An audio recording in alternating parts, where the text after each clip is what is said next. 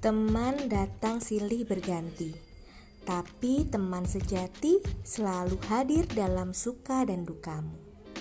Apakah kalian punya teman yang sejak dulu zaman sekolah sampai sekarang sudah berumah tangga? Aku mau cerita nih tentang teman-teman dekatku, sobatku, dan beberapa gengku di masa sekolah dulu. Yuk dengerin di podcast Bincang Bunda.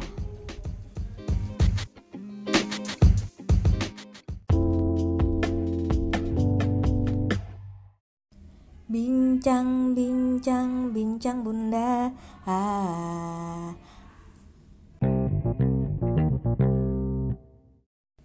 Assalamualaikum warahmatullahi wabarakatuh. Ketemu lagi bareng aku Dian di podcast Bincang Bunda. Nah, hari ini adalah hari ke-10 dari 30 hari bersuara dan temanya adalah pertemanan. Tema ini tuh paling excited sebenarnya aku. Kenapa ya? Ya karena aku seneng aja kalau ngomongin tentang teman-temanku dulu sejak zaman SMP sampai kuliah dan sekarang sudah pada berkeluarga. Jadi nih, uh, benar sih kata orang bahwa teman sejati itu lumayan susah ya dicari. Artinya ketika kita bisa ketemu dengan teman yang cocok baik dari segi uh, ininya ya apa namanya karakternya kemudian enak diajak ngobrolnya enak diajak partner in crime gitu kan istilahnya.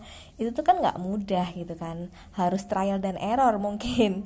Alhamdulillahnya aku tuh mungkin termasuk beruntung ya. Jadi sebenarnya dulu waktu SD itu aku nggak terlalu percaya diri gitu dan nggak punya banyak teman sih. Seingatku aku nggak punya teman yang terlalu dekat. Sampai akhirnya ketika SMP nah di situ aku punya beberapa teman yang akhirnya kita jadi bikin geng gitu loh. Nah ini kayak nostalgia ya di zaman tahun 90-an jadi kalau aku boleh cerita dulu tuh uh, sekelas itu kan kita sampai tiga tahun ya satu kelas tuh sama terus teman-temannya. Nah aku punya geng namanya Ains aku masih inget nih ya Ain. Kenapa bisa namanya itu? Karena nama panggilan kita itu terdiri dari huruf akhirnya terdiri dari tiga huruf tadi. Jadi ada yang hurufnya A, nama huruf terakhirnya ya, I dan N. Jadi kayak misalnya aku Dian gitu kan, N. Terus ada teman-temanku lainnya, aku masih ingat sih nama-namanya. Ada Anti itu I, terus Rani, terus ada Dinda, uh, Nuri, Wulan, Apri, sama Rahma. Itu kan terdiri dari akhirannya adalah a i dan n. Jadi kita bikin namanya tuh ain gitu. Zaman lu belum tahu ada istilah yang penyakit ain gitu ya. Jadi nggak ada hubungannya sama itu. Dan momen paling nggak bisa dilupain itu adalah ketika segeng ini kita sama-sama naik beca ke bioskop satu-satunya bioskop di Jogja di zamannya yaitu bioskop Mataram. Ini ketahuan lagi ya aku angkatan berapa. Dan kita itu ngantri buat nonton AADC 1 jadi kita gentian-gentian gitu ngantrinya. Dulu itu kayaknya aku agak lupa ya dibatasin nggak ya? Mungkin dibatasin berapa tiket gitu kan? Satu orang bolehnya empat tiket gitu ya misalnya. Ya kita ngantri cuman dua atau tiga orang gitu. Sementara lainnya ngapain? Lainnya gentian lainnya gentian makan gentian sholat. Dan kita tuh naik becak karena kan uh, bioskop Mataram itu tuh deket ya sama SMP ku jadi kita naik beca sebagian ngantri sebagian makan tuh di warung burjo deket situ. Terus nanti gantian gitu. Nah akhirnya kita nonton rame-rame nonton bareng-bareng dan itu tuh seru banget. Dan sampai sekarang pun aku kalau ingat itu nantinya kalau aku jadi orang tua dan anak-anakku sudah remaja aku sih kayaknya nggak masalah ya bolehin gitu kalau mereka punya geng. Asal gengnya memang uh, positif gitu ya. Artinya kalaupun mereka melakukan aktivitas ya aktivitasnya atau kegiatannya itu bukan kegiatan yang kriminal atau kegiatan yang ya kalaupun hura-hura atau hiburan tapi masih masuk dalam norma di keluargaku gitu kan. Kayak tadi nonton gitu kan. Walaupun nggak ada pendamping orang tua atau orang dewasanya tapi itu filmnya kan sesuai usia ya. Berapa ya? Ada itu ya kayaknya 13 plus apa ya? Pokoknya intinya udah masuk usia lah. Udah boleh nyatanya kita udah boleh beli tiket. Tuh terus uh, ke SMA aku juga sama. Dilalah itu punya teman dekat lagi. Oke lanjut lagi ya. Sorry tadi ada banyak suara jadinya aku pause dulu. Jadi di SMA itu aku ketemu lagi sama teman-teman yang satu frekuensi. Nah kita tuh berempat. Waktu itu kita sekelas di kelas 2 Dan kita membentuk geng namanya Wedding Peach Nah ketahuan lagi kan angkatan berapanya? Jadi zaman itu tuh memang zamannya uh, film kartun anak-anak ada Sailor Moon, Doraemon, nah ada Wedding Peach kan. Nah, karena kita berempat jadi cocoknya memang Wedding Peach. Masing-masing punya nama sesuai dengan karakter di film kartun tersebut.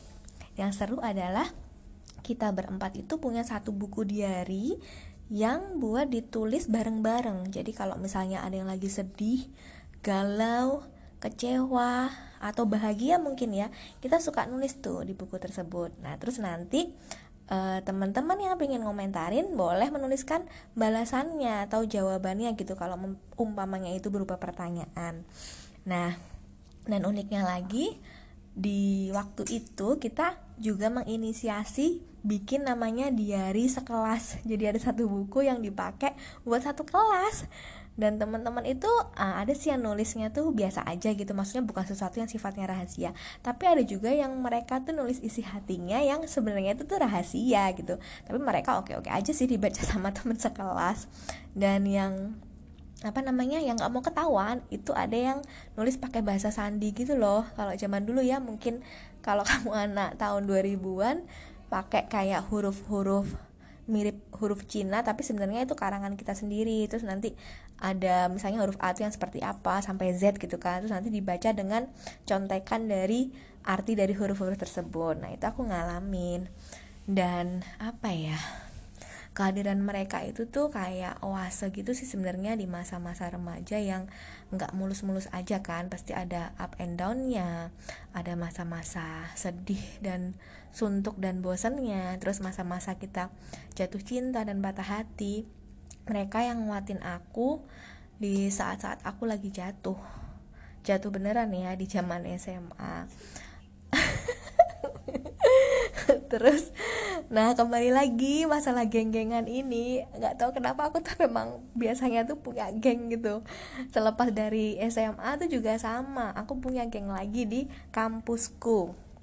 Kalau farmasi itu kan kebanyakan cewek ya nah akhirnya ada tuh teman-teman yang satu kelas bareng terus kita sering satu kelompok praktikum satu kelompok tugas. Nggak sengaja karena sering ketemu sering berinteraksi ya jadi kayak punya geng gitu. Tapi yang ini nggak ada namanya. Jadi yang dua itu mereka ngekos deket kampus di satu tempat kos yang sama. Sedangkan aku sama temanku satunya kita anak rumahan yang rumahnya tuh lumayan jauh dari kampus terus kalau misalnya lagi nunggu dosen di perkuliahan berikutnya kita sering uh, ikutan ke kos mereka ikutan tidur ikutan nonton TV kayak gitu Nah, terus sampai sekarang ya masih ketemuan, masih berhubungan sama mereka. Gitu sih. Terus ada satu lagi, ada satu geng lagi. Oh, sebentar, sebelum ke sana aku mau cerita tentang ini, geng yang aku punya setelah berumah tangga. Jadi, setelah jadi istri dan ibu itu, aku tuh udah nggak punya banyak teman sebanyak dulu lagi ya. Sama seperti yang lain sih. Kayak circle pertemanan kita itu berkurang semakin usia kita bertambah gitu. Karena masing-masing udah sibuk dengan keluarganya dengan anak-anaknya. Jadi jarang ketemuan paling juga ketemunya teman kantor teman kerja gitu kan. Nah waktu jadi ibu aku nggak punya teman kantor tuh. Nah jadinya ya sedikit teman-temanku sementara kondisiku adalah di luar kota bukan di kota sekolahku dulu. Jadi tambah jauh kan sama teman-teman segengku itu. Dan rasanya tuh nggak enak banget. Sampai pada akhirnya aku balik lagi ke Jogja buat lanjutin sekolah dan uh, ikut ke komunitas blogger. Di sana aku ketemu dengan beberapa teman blogger yang satu frekuensi dan kita membentuk geng. Nah nama gengnya itu adalah jeng jeng blogger Ayu. Kayaknya narsis ya ada ayunya gitu. Tapi memang kita ayu-ayu semua sih walaupun sudah ibu-ibu. Uh, dan perlu dicatat kita bukan ibu-ibu gibah gitu ya. Maksudnya gengnya ini tuh bukan buat ngerumpi atau gibah gitu ya walaupun adalah sesekali. Tapi lebih kepada kayak sharing kerjaan sharing job blogger kayak gitu. Terus sharing tentang pengasuhan anak. Kemudian ada dua ustazah di situ jadi kita juga sering dapat ujangan-ujangan gitu. Begitu melenceng dikit begitu gibah dikit ada yang ngingetin gitu kan enak ya. Nah aku nggak nyangka aja sih di usia yang udah nggak muda lagi ternyata bisa ketemu sama temen baru yang satu frekuensi tadi. Dan itu tuh anugerah banget loh nggak semua orang bisa punya teman seperti itu. Nah setelah ini aku bakal cerita satu hal lagi tentang pertemanan yang hmm, apa ya pernah nggak sih kalian ngerasain ketika teman kalian itu sedang sedih atau di dalam kondisi yang nggak bagus gitu kan? Kalian juga ikut ngerasain sedihnya kalian juga ikut terasa nyesek. Nah itu tuh aku ngalamin banget. Kayak apa ceritanya?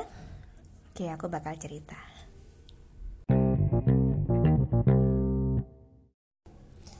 Nah, balik lagi. Jadi, ini ada satu geng pertemanan lagi yang sampai sekarang alhamdulillah kita masih sering ketemu gitu ya. Ya nggak ketemu terus sih tapi kalau ada peristiwa-peristiwa penting pasti kita saling ketemuan. Terus kayak misalnya bulan puasa gitu pasti kita uh, at least satu kali lah ngadain buka puasa bersama jadi tadinya aku tuh sebenarnya nggak ikutan geng mereka mereka. Uh, jadi ada beberapa teman yang beda kampus sama aku terus mereka sobatan gitu loh. Nah sobat tannya itu salah satunya adalah sobatku. Akhirnya aku keikut dong. Ketika mereka main aku pernah ikutan gitu kan. Nah, akhirnya bisa ikutan juga tuh gabung di geng tersebut. Namanya geng Purpala. Aku nggak ngerti ya itu Purpala dari dari mana asalnya ceritanya artinya gitu. Karena aku memang orang yang masuk belakangan gitu istilahnya sedih banget sih orang yang masuk belakangan. Tapi nggak masalah gitu buatku. Aku juga kenal sama mereka semua dan beberapa di antaranya itu adalah teman-teman SMA aku. Jadi kan memang aku sudah kenal gitu pernah sekelas juga lagi. Yang satunya itu ada teman SMP ku juga udah lama berarti udah hampir 20 tahun kali ya aku sahabatan sama temanku yang namanya Norma itu. Ini ya eh lucu loh uh, temanku itu yang namanya Norma ada dua terus yang lahir di tanggal yang sama 20 Juli. Juli ya? Juli itu ada dua ada tiga orang. Jadi mereka punya zodiak yang sama coba bayangin. Itu teman-teman dekatku loh sobat-sobatku. Nggak tahu kenapa berarti itu kan itu artinya kita kayak orang-orang yang sefrekuensi itu emang tipenya tuh mirip-mirip gitu kan. Maksudnya bisa ditebak lah eh, mirip-mirip uh, lah tipenya dengan teman-teman kita sebelumnya gitu itu dugaanku aja sih menurutku. Balik lagi ya tadi ke geng Purpala tadi. Jadi ada satu kejadian ya yang aku bilang namanya teman sejati kali ya. Sampai ketika temanku ngerasain sedih itu aku ikut ngerasa sedih. Uh, ini kalau aku boleh cerita ya. Suatu hari ini teman cowokku sih sebenarnya. Jadi dia tuh uh, udah aku kenal sejak zaman SMA dulu bahkan hari pertama kali masuk sekolah itu dia duduk di belakangku.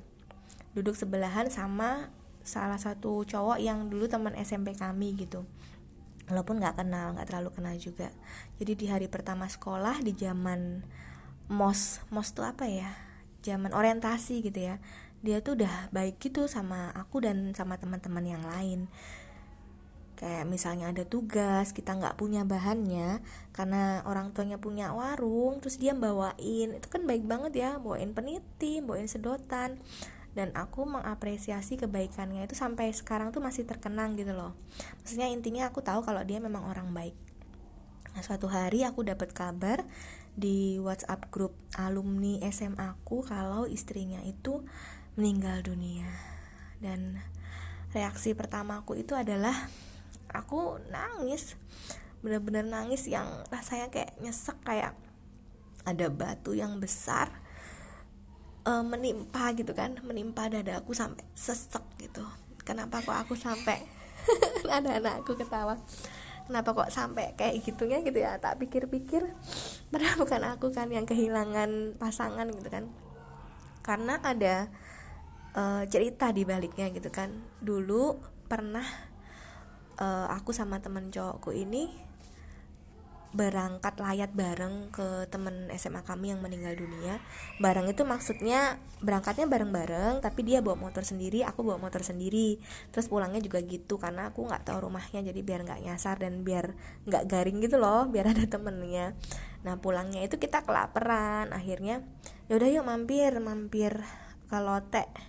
Lote di Sagan lote terkenal di Jogja kan Nah pas makan itu kan ngobrol-ngobrol ya otomatis dia nanyain tentang keluargaku, tentang sekolahku waktu itu.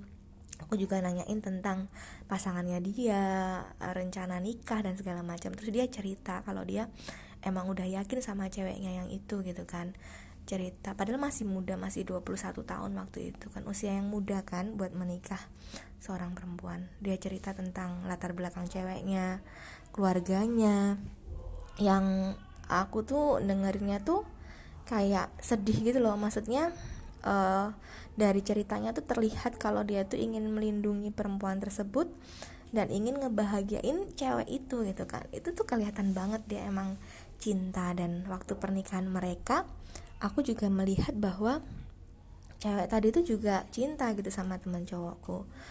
Dan ya amazing gitu loh uh, dua orang dipertemukan sama-sama saling jatuh cinta dan sama-sama saling mencintai itu kan suatu hal yang nggak semua orang bisa dapetin itu gitu kan. Aku ngelihatnya seperti itu. Ngelihatnya bahwa temanku baik dan cewek itu juga baik gitu kan. Sampai akhirnya mereka punya anak punya dua anak. Di tahun ketiga pernikahan mereka ternyata istrinya harus uh, dipanggil duluan gitu. Harus meninggal duluan dan itu nyesek banget. Aku sampai sekarang aku masih inget ya nyesek nyesek banget aku ikutan nangis. Aku ikutan berasa kehilangan uh, seolah-olah aku yang kehilangan gitu kan.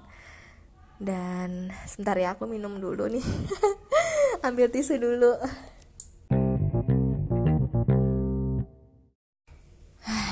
oke balik lagi. Aku ini ya kerasa banget so emosional kalau ngomongin hal ini gitu kan. Dan posisiku waktu itu tuh lagi di luar kota dan udah zaman corona jadi kan nggak bisa balik gitu aja gitu ke Jogja.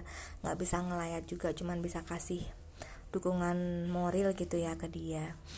Terus ini aku boleh nggak minta eh, teman-teman pendengar podcast bincang bunda untuk sejenak aja sebentar aja kirimin al-fatihah dong ke istrinya temanku yang udah meninggal dunia ini. Namanya Asti. Uh, barengan aku yuk kita kirim al-fatihah sebentar buat dia.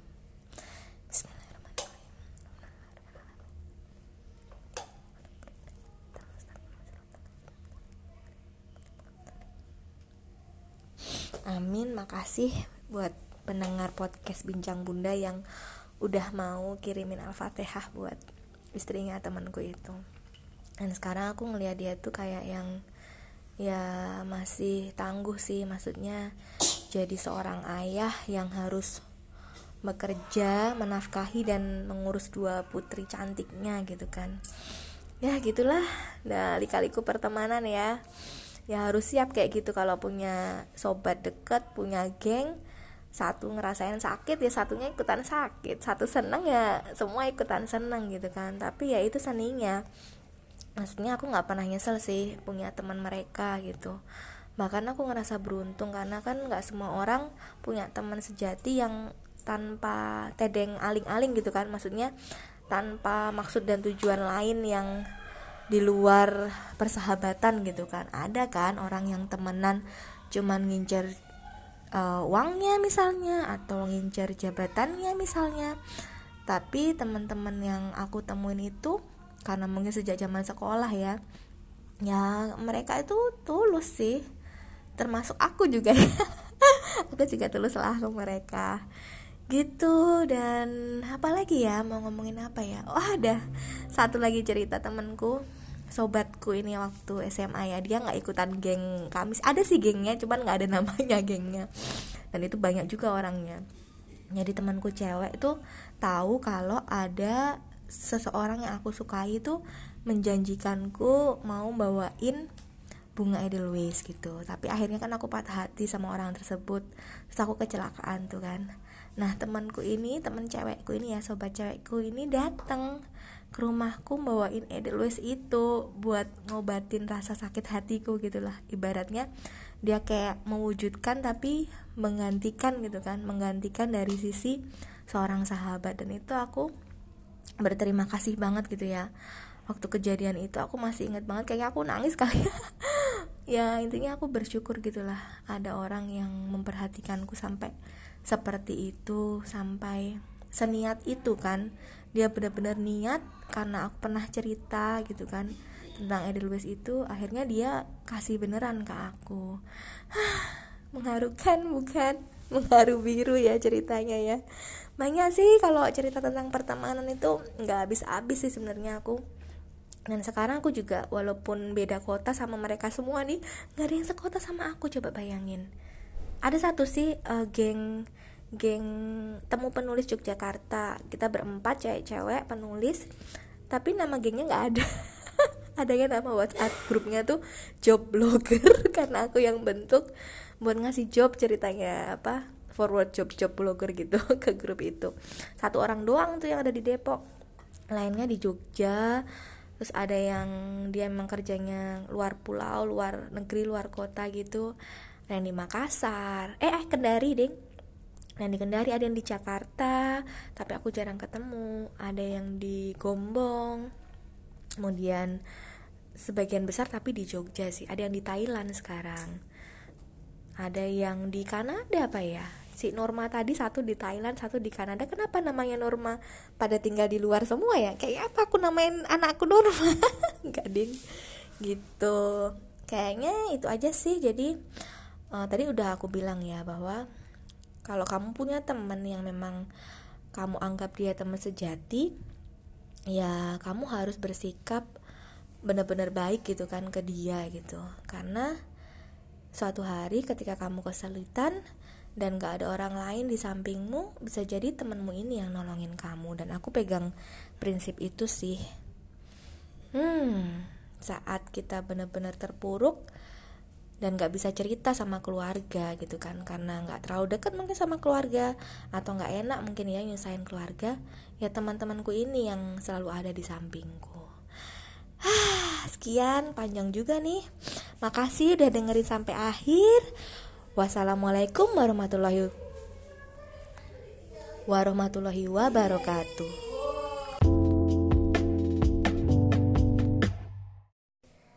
Bincang, bincang, bincang bunda ah.